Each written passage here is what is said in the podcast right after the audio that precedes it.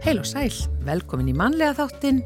Í dag er mánudagur og það er 24. oktober. Já, við förum aftur til ásins 1901. Annie Edson Taylor varð fyrst til að lifa fall niður Níagarafossana í tunnu og var þetta á 63 ára ammaliðstegina. Mér finnst bara allt merkilegt við þetta. Mér líka. Já, fyrsta lagi hugsaði sko að þetta er orðað svona var fyrst til að lifa fall niður Níagarafoss í tunnu. Þannig að það bara, það hafa öruglega fullt af fólki áður reynda. Prófa þetta, já þetta hefur verið áskorun þess tíma, þetta er 1901. Já, ég meina, sjáðu fyrir þér Guldfoss og allan kraftin í Guldfossi. Þetta er miklu stærri og, og öflugri foss, sko. Mm. Akkur viltu fara í tunnu niður hann? Til að vera fræg. Ur, já, já tókst reyndar, við erum að tala um hana núna. Já, árið 2022 þannig þetta tókst, en... Já e, fylgir ekki sögunu reyndar hér svona hvernig líð þetta var eftir þetta fall, slasaðist hún mikið eða, eða hvað? En þetta er svona ákveðinlega til að eða 63 ára afmælistegi sínum Já, einmitt og það líka, ég meina 63 ára á þessu, á, þarna fyrir 120 árum, mm. það var aðeins annað en að vera kannski 63 ára í dag, eða hvað? Ég meina hún hefur greinlega verið í formi samt. Já, já, það, já. þetta er bara merkilegt. Hlýtur að vera til einhver bókum þetta eða skemmtileg frásögn. E, Samband Íslenskra Berkla og Brjósthólssjúklinga SIBS var stopnað á Vívilstöðum á þessum degi 1938 Svo var þessum degi árið 1944 sem ein mesta björgun við Íslandstrendur var þegar 198 var bjargað af kanadíska tundurspillinum Skína sem fórst við viði með skipinu fórust um 15. Hvenna frítagurinn auðvitað 1975 Íslenskar konur lögðu niður vinnu til að sína fram á mikilvægi hvenna í atvinnulífinu. Já, og en... sama dag, ég held að þetta sé að ljóta að vera tengt að, að þarna bara kom veröldin í lit því að sjómasútsendingar í lit hófust í ríkisútvarpinu. Já, mannst þú eftir þá voru seld á einhvern tímapunkti þegar sjómasbyr var enn svartkvít eða semst í svartkvítu það var svona litfilmur Já, svona sem voru settar yfir skjáin Emmitt Ég man ekki eftir því reynda persónulega Nei, en ég, ég man eftir að hafa séð svona á, mynd, á myndum bara. Já, já, þetta var til heim hjá mér. Já og áður en að sjónvarpun er því að stóruður í dag þá var þetta að setja svona stækkunar skjá fyrir framann sem stækkaði. Já, en, það? Já, já.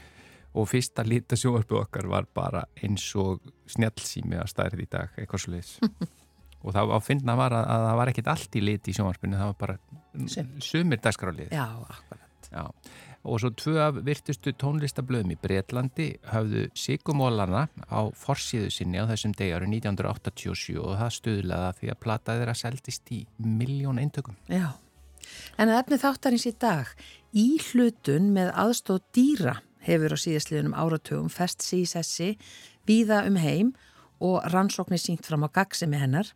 Margar starfstjettir nýta sér þessa nálgun og þar má nefna yðjúþjálfa, sjúkraþjálfara, kennara, talmeinafræðinga, tannleikna, þroskaþjálfa, já, hjúkunafræðinga, sálfræðinga og svo fleira.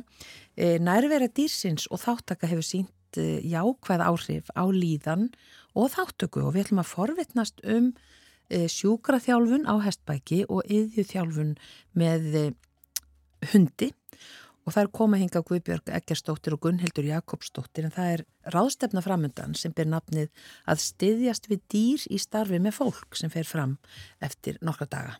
Já, og við fáum nýjan pistil eða alleldur vingil frá Guðjánu Helga Ólarsinni, skúfuskaldi og þjóðfræði áhuga mann úr flóanum. Í dag ætlar hann að bera vingilin við að dagbókum og dagbókar skrifum og lesandi vikunar í þetta sinni Stefán Jón Hafstein Hann á auðvitað langan feril að baki í fjölmiðlum vann við útgáfu var borgarfulltrú og hefur unni hjá Þróunarsamfunnustofnun Íslands og fyrir utanríkisráðuneytis og eitthvað sé nefnt og nýlega kom út bók eftir hann. Heimurinn eins og hann er heimildarsaga og við ætlum bara að fá að vita hvað hann er að vera að lesa og hvaða bækur og uh, höfundar hafa haft mest áhrif á hann í gegnum tíðina. En við byrjum á áframstelpur og það eru áframstelpur sem satt bara hópurinn sem syngur Anna Kristín Arskrimsdóttir Bríett Hjeðinsdóttir, Guðrún Alfredsdóttir, Kristina og Ólafs, Marget Helga Jóhannsdóttir, Sigrun Björnsdóttir, Steinun Jóhannesdóttir og fleiri. Læðir Erlend eh, en Kristján Jónsson og Dani Kristjánsdóttir sömdu tekstan.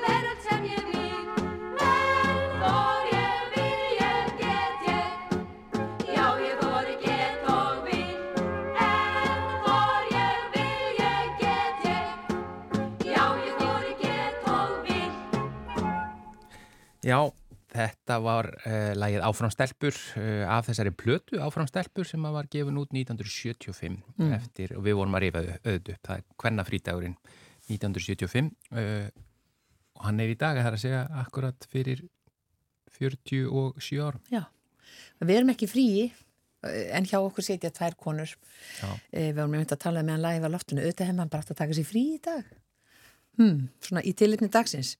Ég segi nú bara svona, við e, ætlum núna næstu mínútur að tala um það sem við nefndum hér í upphafi í hlutun með aðstótt dýra sem hefur á síðastlinum áratugum festsi í sessi, viða um heim og rannsóknir sínt fram á gagsemi hennar og það eru margar starfstjettir sem nýta sér svona þessa nálgun eins og yðvíþjálfar, sjúkraþjálfarar, kennarar, tannlegnar, sálfræðingar og fleiri og það er, er þessi nærvera dýrs og, og, og þáttaka hefur sínt hafa jákvæð áhrif á líðan og það eru komnar hingast Guðbjörg Eggerstóttir, sjúkraþjálfari og Gunnhildur Jakobsdóttir, yðvíþjálfi. Velkomnar.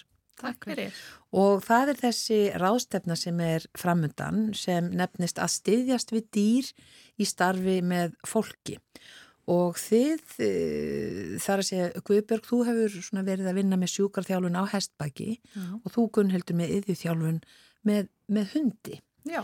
Og uh, bara ef við kynnum staðin svona starf sem er æfingastöðvarinnar, af því þetta fer allt fram á vegum hennar. Já.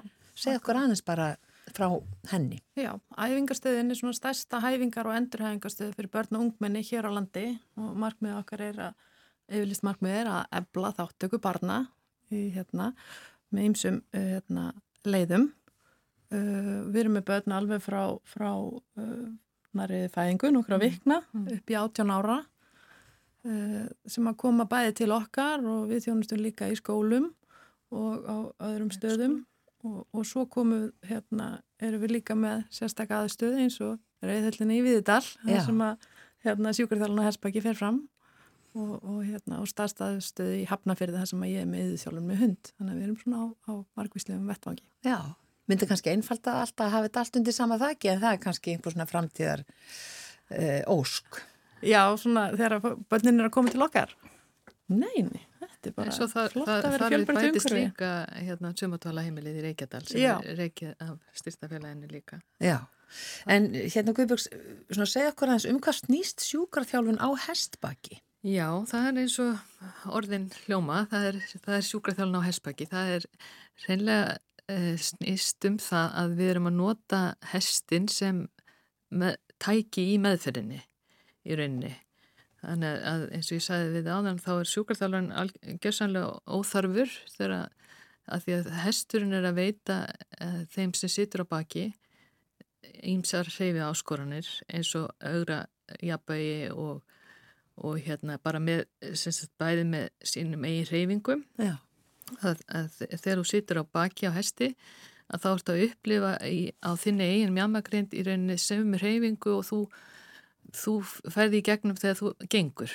Það er alveg sami síklus, mjadmagrindin reyfist alveg í, í þrýviðu plani alveg svo á og bara þessi reyfing er náttúrulega tölverð mikil áskorun sérstaklega fyrir einstaklingar sem eru með ykkur reyfiskeðingar og nú náttúrulega mín, mín, mín, áhersl, mín aðkoma með að nota hestin er sjúkarþjálfarlegs eðlis, er líkamlega, líkamlega eðlis en auðvitað náttúrulega deilir maður ekkert einstaklingunum upp í líkam á sál en þannig að það eru margir, margir aðrir kostir sem að, sem að hérna, eða já, árangur sem að fæst með því að nota hestin. Já.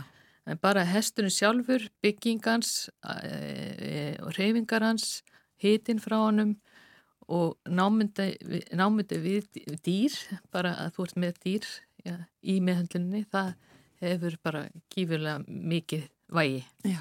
í meðfyrinni. Akkurat og þetta hefur svo, ég, bara eins og stendur jákvæð áhrif á, á barni sem situr á baki.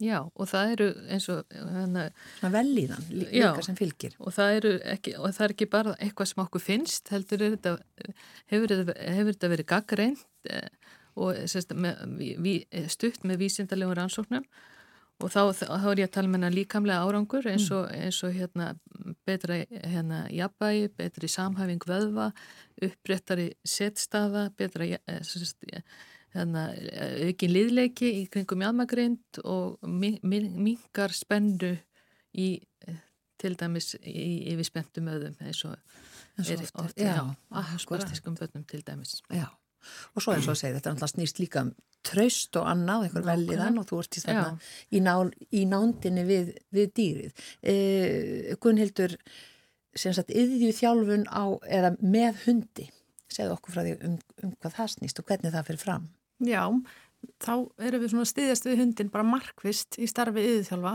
og, og börn sem er að koma í yðurþjálfun getur verið að koma að þau eiga einhverjum ástæðum erfitt með að taka þátt í aðtefni sem reyna á líkanlafærni, félagslega færni eða reynlega vitrannafærni og verkefnin eru þá ansi fjölbreytt þegar maður eftir hvað maður er að vinna með og þá er, er hundurinn uh, getur að nýsta á svo margan hátt. Uh, fyrst og fremst náttúrulega sem bara ísbrjótur að koma það hérna, hefur sínt sig mjög mikil hérna, kvati til að koma.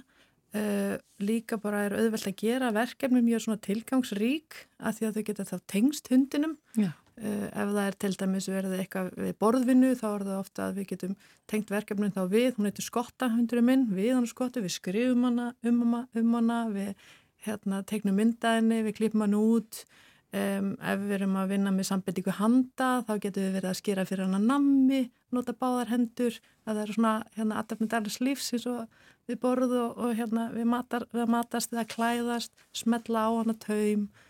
Uh, svo eru krakkarnir stundum að setja upp þrautabrautir og þá þurfum við svolítið svona skipla á röður, við þurfum að setja upp þrautabrautina, ákveða hversu margar æfingar við ætlum að gera og, og í hvað röð og hvernig við ætlum að reyfa okkur og hvernig við ætlum að tala. Þannig að þetta svona hefur ár, gefur tækifæri til að vinna með og búið samskipti, reyfiferlana og, og bara setja sig í spór annara Já bara sem dæm og svo er það bara ímyndunarflið sko, hvar, hvar þú allar að Og er það unni með að þetta er þá hundurinn þinn eins og í þessu tilfelli? Já.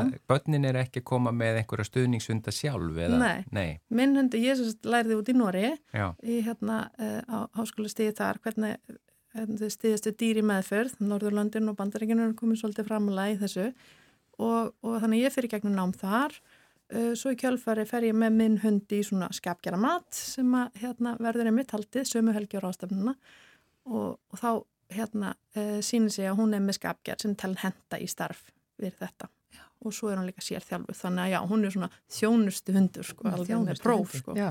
Já.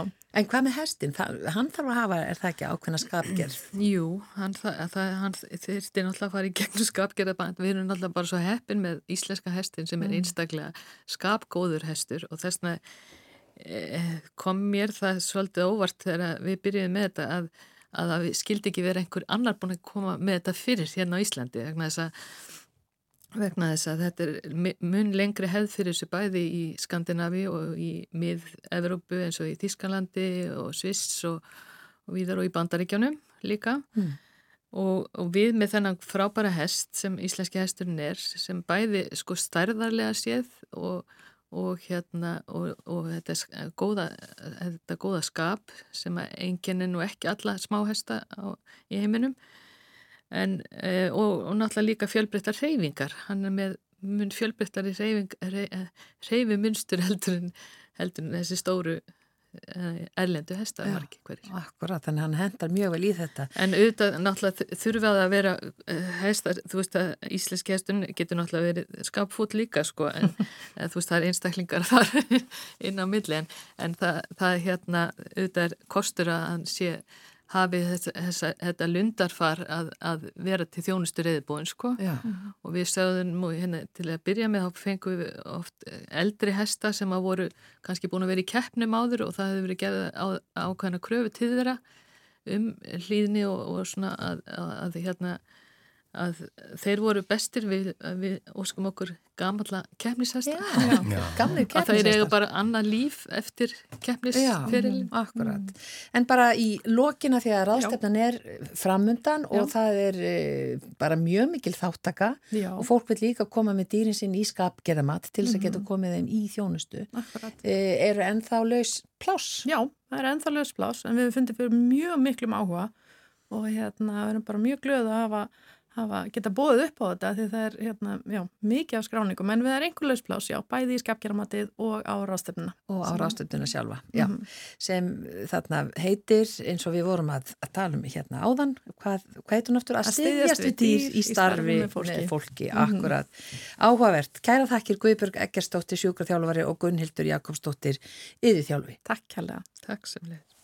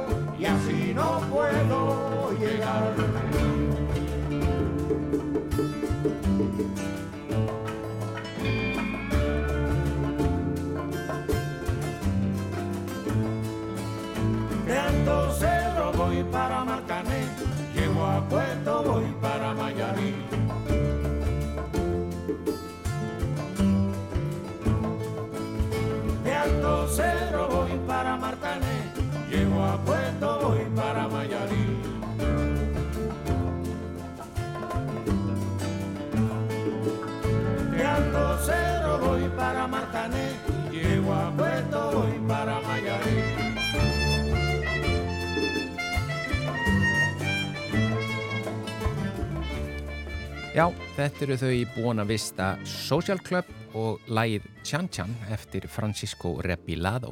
Og við ætlum að fá núna pistil eða öllu heldur vingil frá Guðjóni Helga Ólafsinni, skúfuskáldi og þjóðfræði áhuga manni úr flóanum. Í dag ætlar hann að bera vingilin að dagbókum og dagbókarskrifum.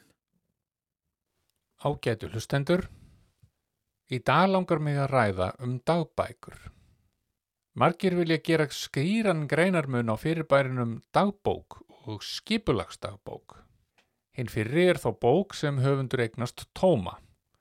Hún er óskrifuð nema að vera skildi að henni hafi verið skipt upp eftir dögunum í árinu og meiningin þá að hverjum degi skuli næja sín tjáning. Sá sem bókina rítar byrjar skrifin til dæmis að kvöldi fyrsta dagsins með sinn afmarkaða dálk, kannski fyrsta januar, en fyllir svo út síðasta reytin 30. og 1. desember. Tekur nýja bók í nótkundaginn eftir og svo koll af kolli. Þó er rétt að geta þess að fundin hafa verið upp margskonar kerfi til að skipta einu ári í viðráðanlega búta og ekkert endilega tengt trúfélögum. Við hefjum nýtt ár þann 1. janúar hér á Íslandi. En í Kína til dæmis hefst nýja árið fyrsta daginn sem nýtt tungl lætur sjá sig á tímabilinu frá 20. og 1. januar til og með 20. februar sem er aðeins floknara sístem en alveg skiljanlegt og hér látum við staðar nömið í rannsóknum á hennum ymsu tegundum tímamælingakerfa í byli. En kannski veiðum við þar upp úr súrnum einhverja hugmyndasnauða og veðursnóttina og brjótum til merkjar. Ég myndist á fyrirbæriði skipulagsdagbók sem er hugsuð til þess að ákveða hvað maður ætlar að gera á ákveðunum dögum á meðan venjuleg dagbók heldur utanum það sem maður er búin að gera. Sjálfur sé ég ekkert því til fyrirstöðu að þetta sé ein og sama bókin en kem betur að því síðar. Kanski má hugsa sér að í Maldravieso hellinum í Cáceres á Spáni sé elsta varðveitta dagbókarfærsla í heimi en þar hefur ónafngrendur neanderdalsmaður stenslað myndir af 71 hönd á klettavegg fyrir 66.700 árum. Nú hef ég ekki kynnt mér álit listfræðinga en langar að varpa fram þeirri hugmynd að handamalverk uh, Fordmannsins sé mögulega í ætt við það sem nútíma menn gera þegar þeir kvitta fyrir sig í gestabók, hafandi kannski gist í sumarbústaðina nótt. Hann eða hún hefur viljað koma eftirfarandi á framfæri. Sælt veri fólkið. Ég gist í þessum fína helli í 71 nótt. Heiti potturinn er reyndar bilaður og textavarpið er frosið, en grillið er í toppstandi. Sjáu bara hvað ég skildi eftir mörg bein á golfinu? 64.700 árum síðar færði maður að nafni Ma Du-Bo í dagbók sína nokkuð greinargóðar lýsingar á ferðalagi hans frá borginni Luyang í Kína að hennu sögufræga Tai fjalli, en þar framkvæmdi hann fórnaratöfn keisara sínum til dýrðar. Dubó ritaði í dagbók sína lýsingar á lifnaðarháttum og hugsanagangi almúafólks þess tíma, nokkuð sem er alveg einstakt vegna þess að keisarin var þá algjörlega einráður varðandi hvað teldist vera sannleikur og væri þess verðugt að komast í sögubækur. Hverstagslegt stús og streð venjurlegs fólks var allajafna ekki á þeim lista.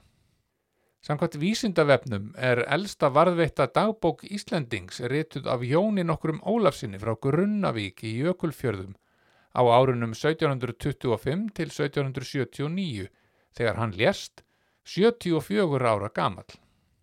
Þeir félagar Jón og Árni Magnússon, vinnuveitandi hans, handreitasafnari og fræðimaður, urðu síðan sögupersonurnar Grindavíkur Jón og Arnas Arneus í skáldverkinu Íslandsklukkan eftir Nobelskáldi Haldur Lagsnes sem frækt er orðið. En hvernig blasir teksti eftir Grunnavíkur Jón sem fættur var árið 1705 við okkur sem erum á dögum 2022? Við fáum lánaða málskrein úr rétinu Lærður Íslendingur á turni eftir Guðrúnu Ásu Grímsdóttur og fjallar um æfi og starf Jóns. En í tekstanum fjallar hann einlægilega um sína sálarhell kvöld eitt í Kaupinhafn. Tilvittnun hefst.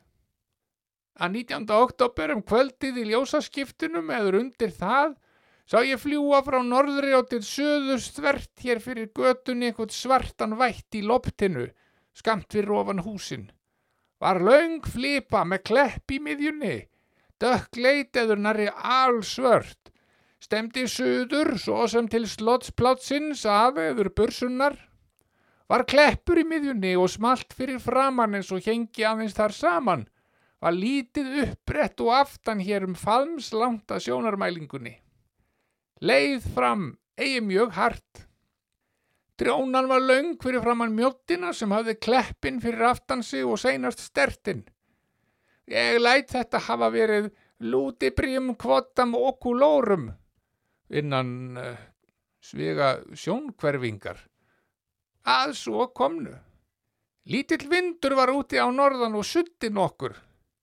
Þessi dökkleita langa flipa leið áfram skamt fyrir ofan húsin, þó eigi mjög fljótt og sáust eigi vengir á því berast. Tilvitnun líkur. Jó, við getum nú ráðið dullmálið ef við gefum okkur tíma og vitum að óvættin sem Jón lýsir í tekstanum var nú bara hrapp sem sveif út í réttum vangjum fyrir glukkans og kallin búin að hella eitthvað aðeins upp á sig. Við getum í framhaldi tekið upp kynjafræði vinkilinn og séð að verulega hallar á konur varandi varðvistlu gamallega dagbóka hér á landi, sem er synd og alveg örglega ekki vegna þess að það er ekki haft neitt til málana að leggja. En Torfildur Holm, rittöfundur, skrifaði elstu varðveittu dagbók íslenskrar konu 164 árum síðar á árunum 1889 og 90, nýkomin heim eftir 13 ára dvöl í Vesturheimi. Hún var merkilegur og vinsall reythöfundur, samti til dæmis fyrst Íslendinga sögulega skáldsögu, auk þess að vera fyrsta íslenska konan sem skrifaði skáldsögu, svo fátt eitt sér nefnt af afreikum hennar. Enn er ég ekki farin að nefna hlutverk dagbóka í tækni og vísindum. Þar eiga það er mikilvægu hlutverki að gegna. Til dæmis við veðuratögunir, þar voru það fyrsta sem við ætti huga nefna, Elsta veðurstöð á Íslandi er í Stikkisólmi en þar hóf árni Torlasíus kaupmaður veðurmælingar árið 1845 og hafa þær verið stundadar þar síðan. Veðurfræði eru mikilvísindi og byggja á allskynns mælingum í sjó, á landi og ekki síst í lofti, auk þess sem hinn síðari árið hægt að beita myndavélatekni úr gerfitunglum til að gera veðurlíkun og spár nákvæmari. En allar upplýsingar sem fást úr mælitækjunum eru auðvitað skráðar í dagbækur, hann er að hægt sé að grípa til þeirra síðar. Ég gerir enda ráð fyrir að skráningarna séu stafrænar í dag, en ekki eigðublað og kúlupenni, eins og sá sem þetta reytar notaði sem afleysingamaður við veðuratuganir í Ísakoti við Bjarnalón á nýjunda áratug síðustu aldar. Notkun dagbóka við vísindastörfi er sem sagt meira en algeng, nær væri að segja allsráðandi. En fleiri dagbækur hafa haft áhrif á gang sögunar en þær sem notaðar hafa verið í vísundarlegum tilgangi. Og nú eru eflust margir komnir með nafn þeirrar frægustu fram á varirnar. Nefnilega dagbókina sem Otto Frank í Amsterdam færiði skjálfandi höndum úr umbúðunum skömmu eftir lok setni heimstyrjaldar. Dagbók Annelise Marie, dóttur hans sem ásand Margot sýstur hennar, lést í Bergen-Belsen einangrunabúðunum árið 1945. Endalók Önnu Frank er harmsaga mannvonsku og haturs. Dagbókin greinir frá slíku, en líka frá samskiptum hennar við fólkið sem hún umgekst, drauma og þrár. Fóreldrar hennar voru af gýðingaættum og fluttust frá Þískalandi til Hollands árið 1934, þegar nazistaflokkurinn náði yfirráðum í gamla heimalandinu. Til að gera langa og daburlega sögu stutta og ég hvet hlustendur til að lesa dagbók ungrar stúlku eftir önnu Frank, að þá hernámu þjóðverjar Holland ára 1940 og heldu uppteknum hætti við grimdarverk sín þar. Frank fjölskyldan var að fara í felur og í tvö ár náðu þau að diljast fyrir nazistum í leiniherbergjum sem falin voru bak við bókahillur á fyrrum vinnustad Ottós Frank. En gestapól erinlaurglan fann þau því miður um síður. Fjölskyldufadurinn einn lifði stríðið af og stóð fyrir útgáfu bókarinnar, sem í dag hefur verið þýtt á fjölda tungumóla, um hana gerðar kvikmyndir og ritgerðir svo fátt eitt sér nefnt. Dagbækur eru heitlandi heimur, hvort sem um skráningu vísindalegra gagna eða persónulegra lýsinga á lífslaupi einstaklinga er að ræða. Og maður sem talar af svona mikill í virðingu um fyrirbærið hlýtur þá að vera þrautþjálfaður dagbókarritari með margra hillumetra af innbundnum skýrslum um eigið lífi sínum bókahillum. Nei, það er bara alls ekki tilfellið. Ég hef aldrei komist upp á lag með að skrifa dagbók. Ég hef bara ekki lendin einu spennandi þannig lagað og ekki fundist takaði að gera miklar skýrslur. Veit ekki hver ætti að nenn að lesa slíkt heldur. Það væri helst ef einhver væri svo óheppin að fótbrotna á báðum og byggi aðleitn í Hornbjörgsvita um vetur með batterislausu útvarpi og öngva aðra lesningu meðferðis. Slíkur maður er sennilega alveg nógu leiður samt og vonandi getur hann séð út um glugga og talið máva eða fiskiflugur og skrifaðum þá lífsreynslu í sína eigin dagbók. Góðar stundir.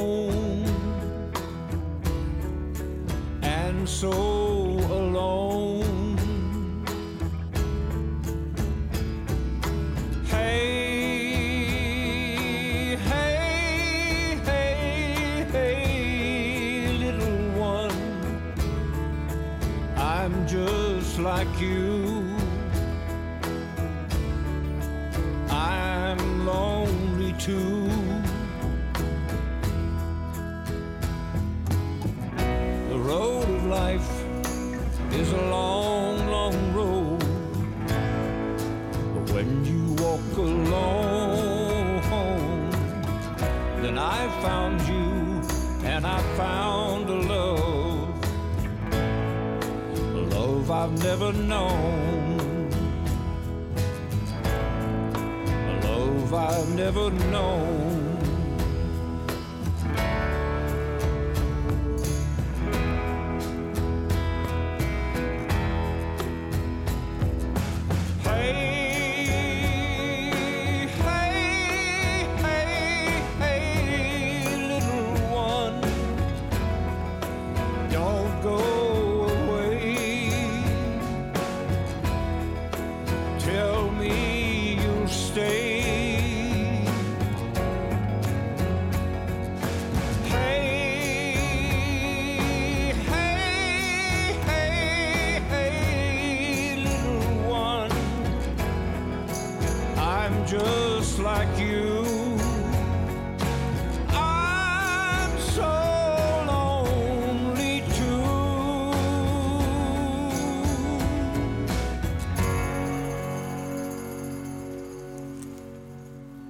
Glenn Campbell eh, og lagið Hey Little One eh, eftir Burnett og Dee Worson. En það er komið að lesandavíkunar og í þetta sinn er það Stefán Jón Hafstein. Hann er nú ekkit ókunnugur hér í þessu húsi eh, og auðvitað munum við eftir honum úr fjölmiðlum og úr svo mörgu mann við útgáfu, var í borgarfulltrúi og hefur unni hjá þróuna samvinnustofnun Íslands og fyrir er núna ekki satt. Jú, það er ég um það. Já, með flottan titil. Já, ég er sérlegur erindriki málefni hafsins. Já. Það hljómar eins og ég ber sér aðalmaðurinn á Íslandi. Já. Það er ekki svo, ég tekka fram, en, en þetta er flottu titill og virka mjög vel í útlandum. Já, de, Stefán Jón Dreki þá. Dreki, já. Já, eh, og það var að koma út bók eftir þig. Heimurinn eins og hann er, ekki satt. Mm -hmm, mm. heimildasaga Já, heimilda, já, persónuleg heimildasaga, já. já. Og hann, titillin segir allt. Hann segir bara, við Já. þurfum ekki að ræða það meira. er, hann er, þetta er, ég er að tengja saman, uh, sem sagt, matvæla ástandið í heiminum, það eru vistkerfin, árásin á lífríki sem ég kalla og lofslagsvána, pluss pólitíska ástand, pluss persónulegur upplifanir.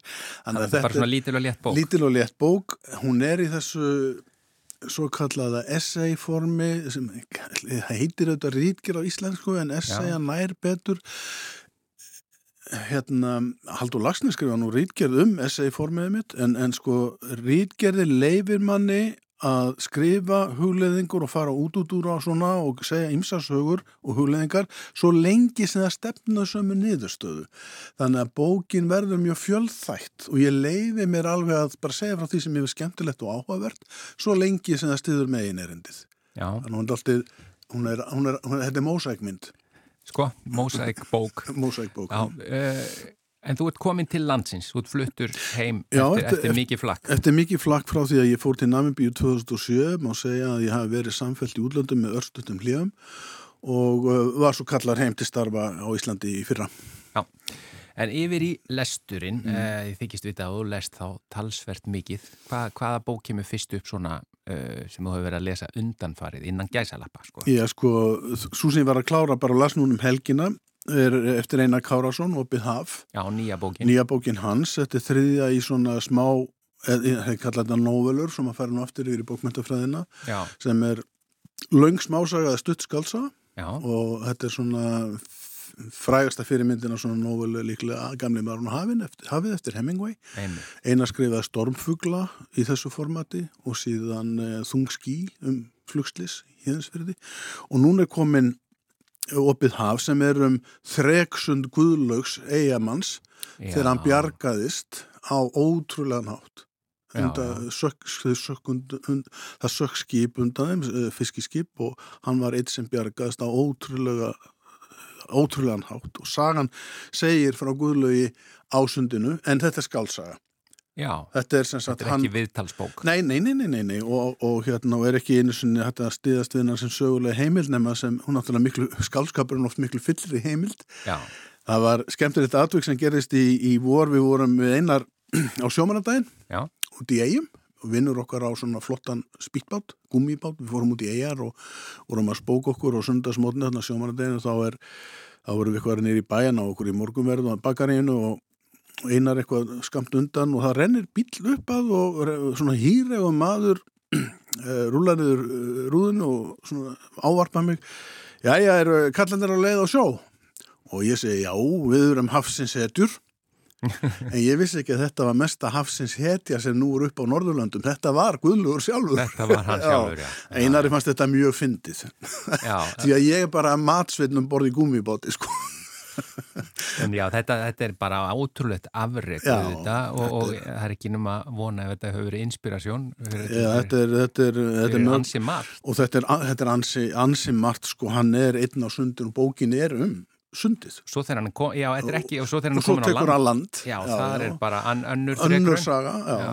þannig að þetta er, ég held að margt fólki eftir að, að endurlifa þetta er náttúrulega einhvern mesti viðburður á sínu tíma, Já, já. fréttnæmt og Fór í rannsóknir. Já, já. Hvernig hann gat gert þetta. já, lifa þetta af Já, og, og, og svona sagan gerist í huga hans í raun og veru þetta er svolítið sviðsetningin á þessu stóra opna hafi er sviðsetningin hvað sem er í huga hans og hvað fyrir hann rennur í gegnum eh, mannin á sundinu. Áhugavert. og hann er að tala við dýrin, sjáardýrin og svona, þetta er mjög áhugaverð bók. Næsta bók, hvað er þetta með? e, Það er eftir steinunni Sigurðardóttur tímin á leðina, það er nýjasta ljóðabók hennar. Og ég er alltaf með eina ljóðabók á kantinum. Minnst Já. okkur steina, ef ekki fleiri. Og, og steinun er náttúrulega helsti stílisti og, og ljóðahöfundur já, búin að fá verðlun Jónasar Hallgrímssonar og Guður hvað. Og, og hérna þannig að hún er, hún er núna að skrifa hún kemur, kom með þessa bók í vor og og hann, hann er líka svona bara eiginlega ljóðræna í hennar e, skáldsögum, sko. Já, já, það, það, hún, hún, það eru, mað, hún fer, fetar alveg slóðina milli ljóðs og, og frásagnar Já, og hérna, nei, en hún er náttúrulega aðbrað stílisti, já, einn okkar albestu. Og þú ert ánað með þessa nýju? Já, já, ég er að glukka í hana, ég hef svona á kantinum, ég, ég fer ekki þannig í ljóðabækur að ég lesa þar í heild frá uppeða til enda. Nei. En mér finnst þú að gott að nesta mig í hátinn eða eitthvað slíkt og taka þá skamt. Gr- Gríp í smá skall? Já, Já. gerir það. Það talsveit þegar ég bjó einn út í Róm í COVID-un, þegar maður mátti fara á veitingastaði eða eitthvað slíkt að fara út á kvöldin, fá mér ressingu og hafa ljóðabók með mér. Já. Og þá hafði ég með mér ljóðabók steinuna sem var, hérna, kom út fyrir nokkrum árum. Hvað heitir hún aftur? Ég er nú með þetta hérna, af ljóð eftir komin Já, já. og af ljóði mynd þú verða og svo var komið dimmum á 2019. Þessar bækur eru hreint afbræð. Gott erlendis að grípa í íslensk ljóð. Já, tala ekki um, ná samtengingu. Hvað er þessi hérna rauða bók með bláa hringnum? Já, ég tók hana bara núna út í Rómandaginn, ég var þar á ferðalagi og þetta var eitthvað sem átti að henda í flugferð. Hún heitir Laws of Human Nature, eða 48 lögum mannlega náttúru. Þessi höfundi skrifa bók sem var mjög ánað með Robert Greene, heit- heitir hann og, og Green og hann skrifaði 48 Laws of Power, eða 48 lögumál um völd. Já. Það var mjög góð bók. Svo sá ég þessa um 48 lögmál um mannlega náttúru.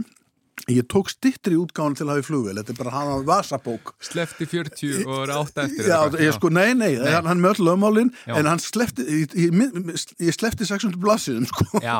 Tók bara með mér nokkrar. Já. Þetta er, þetta er svona aðeins og innfældningslegt en ég bara segja frá því að svona bækur eru skrifaðar og hann er að kenna mann að þekkja svona karaktereinkenni hjá sjálfum sér Mhm. sjálfskunnun, skugginn sem býr í sál okkar allra og líka eh, þessi sem að platta okkur upp úr skónum með fláræði og svikum og ligum og öru slíku og, og síðan bara hvernig maður á að taka á sínum eigin brestum og annara og það er ekkit alltaf einfalt og hann skrifar þetta, þetta er svolítið skemmtilegt að, að hérna, maður getur bara sett í flugvilega strætó og, og eða hvað sem er og, og hérna aðeins svona átta sig á því Ímsar hliðar á mannlegu eðli. Hvern, hvernig er þessi Gunnar Hansson? Býtu, er hann svo? Er ég í bókinni?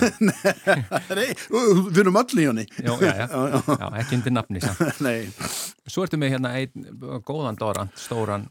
Já, þetta er svona þokkaleg bók, hún heitir Náttúrun og framtíð okkar og ég hitti höfundin í fyrsta skipti fyrir nokkrum dögum að því hann hafði eh, áhuga á minni bók og Ellert Ólason heitir hann. Hann er gammal verkvæðingur og hann skrifar Þetta er í svona í, í stílnum við gömlu fjölfræðibækurnar sem að maður lasa um að krakki en þetta er splunkun í bók og hún er um öll helstu stóru málin kannski á einni til tveimur síðum. Já, Bránun jökla veldur hækkun sjábors, ein síða með myndum, kortum og text utan texta. Svo það flettir klára þar. Svo það klára, ísi þakkin fjöllin, Himalaya fjöllin og svona getur maður flett sér bruni kóla, vinslakóla, allt ein, tvær, þrjár þrjár síður.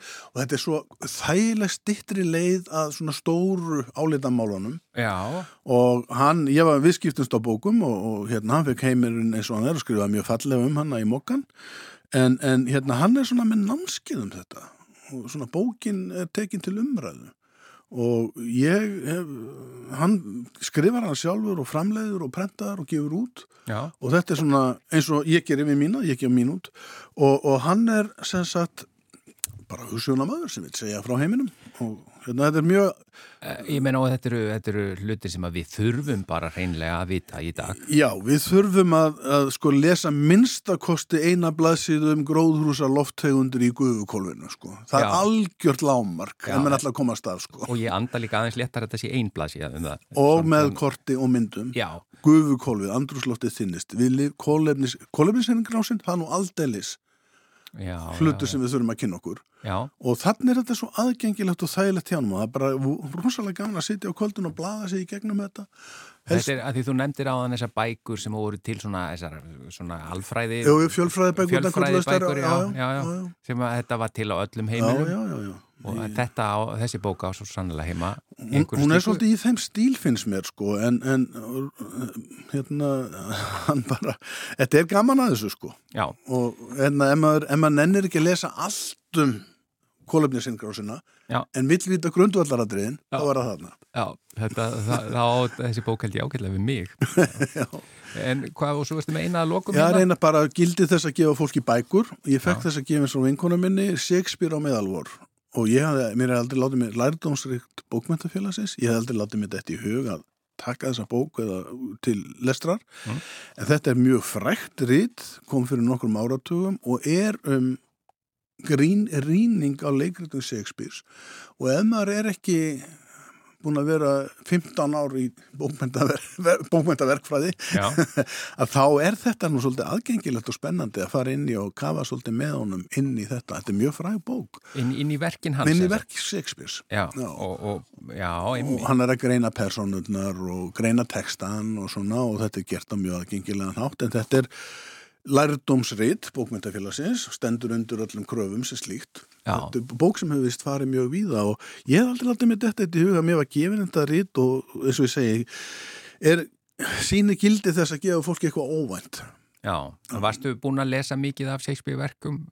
Ég, ger, ég var í bókmyndafræðum tíma uh, ungum aður og síðan tók ég nú eitthvað upp og hann og í bókinni minn er, mér finnst svo gaman að Július Cæsar ég tók aftur leikritið Július Cæsar. Uh, og sérstaklega ræða Antoníus sem er eitt mesta bókmynda afreg segi ég bara, svo ræða þegar hann Antoníus tala við líðin eftir að Július Cæsar hefur drept Friends, Romans, Countrymen. Uh, er ekki? Vini landsmenn Rómverjar vini landsmenn ljáið eira þannig er það og í þýðingu Ég tók þetta á. Já, hérna, en, allt í góðu. Þetta eru bækurna sem þú hefur verið að lesa svona undanfarið. Jú. En ef þú ferð aftur í tíman, þú mátt fara eins langt aftur að þú vilt, um. eh, hvaða svona bækur og eða höfundar svona virkilega sýt í þér sem hafa haft svona mest áhrif á þig og fylgja þér jafnvel enn? Það, það er svo innilega ófrumlegt með mig. Já, það þarf ekkert að vera frumlegt. Nei, en ég get ekkert vikið frá því að, að þegar ég las sjálfstætt fólk 17 ára, þá breytti það mjög miklu og þegar ég laði hana frá mér og hugsaði að nú veit ég hvað það er að vera Íslendingur. Já. og það voru þau áhrif. Já, tengingin við Já, það var bara þetta já, og þessi, þessi mikla ekki bara, já bara ég þarf ekki að tala um sjálfstætt fólk, hún bara vita allir um hana. Hún var, hún var þetta mjög mikilvæg. Svo gerði ég annað á mentaskóla árunum sem að ég geti ekki vitnað í neina einustu hérna Gulag Eyjaklassin eftir Solzhenitsyn kom út um þetta leiti áttabindi Já. Ég þrælaði mér í gegnum þessi ósköp. Þetta er nefnilega bara hryllingsögur úr Sovjetinu. Úr gúlaginu. Já, úr gúlaginu. En uh, ég get ekki vitnaði neitt og man ekki neitt nema þessa tilfinningu fyrir hvað valdbeiting er vond. Það já. var það sem ég gekk út með eftir þannlestur út úr því herbyggi. Svona ríkisofbeldi eh, er ógæðslegt áttabindi af þessu. áttabindi, já. já þú listi hafa það ég lefði aflanmenna bó já, ég gerði þetta. Ég er ekki vissum að mjög margir íslendingar hafi gert það. Myndur þú fara aftur í gegnum nei, nei, nei, nei, nei áhrifin komu já. og þau sitja í mér alltaf eftir það. Já. ekki vera vondur, ekki beita ríkisvaldinu til að meiða einstaklingin og, og hérna, það, það var skilabóðin það voru sovjetinu sko Já, Solzhenitsyn, eh, ég menna, og þetta eru heimildabækur eða hvað? Þetta eru heimildabækur, hann mann þetta alveg sín, til að sína fram á glæbamaskinuna, sko, Já. þegar fólk var tekið saglust, hendi í fangabúður og allt þetta. Það er ein bóka hans er líka, ein, hún heiti Dagur í lífi í veit, svo ég lasa hana líka, það er svona eitt dagur í fangabúðunum, Já, já. það var mjög fræg og en, en Ég, ég held ég hafi farið einhverju einhvern og bara í einhvern óminni þegar ég lasi gegnum allar þessar bækur sko, að ég, ég þetta var, þetta er alveg rosalega yfirheyslu hvernig farið mig þetta er svo kafkæst og þetta er svo ógeðslegt. Þegar að vera að taka saglust fólk og, og bara með gethóttadómum og, pólitískum ofsóknum og valdbeitingu og það tekið frá fjölskyldi sínum og hend út í síberi og læst þar inn í einhverjum, það verður hungumorða Já Þetta verður alveg ógæslega. Hvað varstu gammal er þú læsta? Ég verður svona 16-17 ára. Sittur í þér enda? Já, sittur inn mér eldaf. Já, Stefán Jón Hafstein, takk innlega fyrir að vera lesandi vikunar í þetta sinn og þættinum er bara lokið núna. Við bara þökkum innlega fyrir samfélgina og verðum hér aftur á sama tíma morgun. Verðið sæl.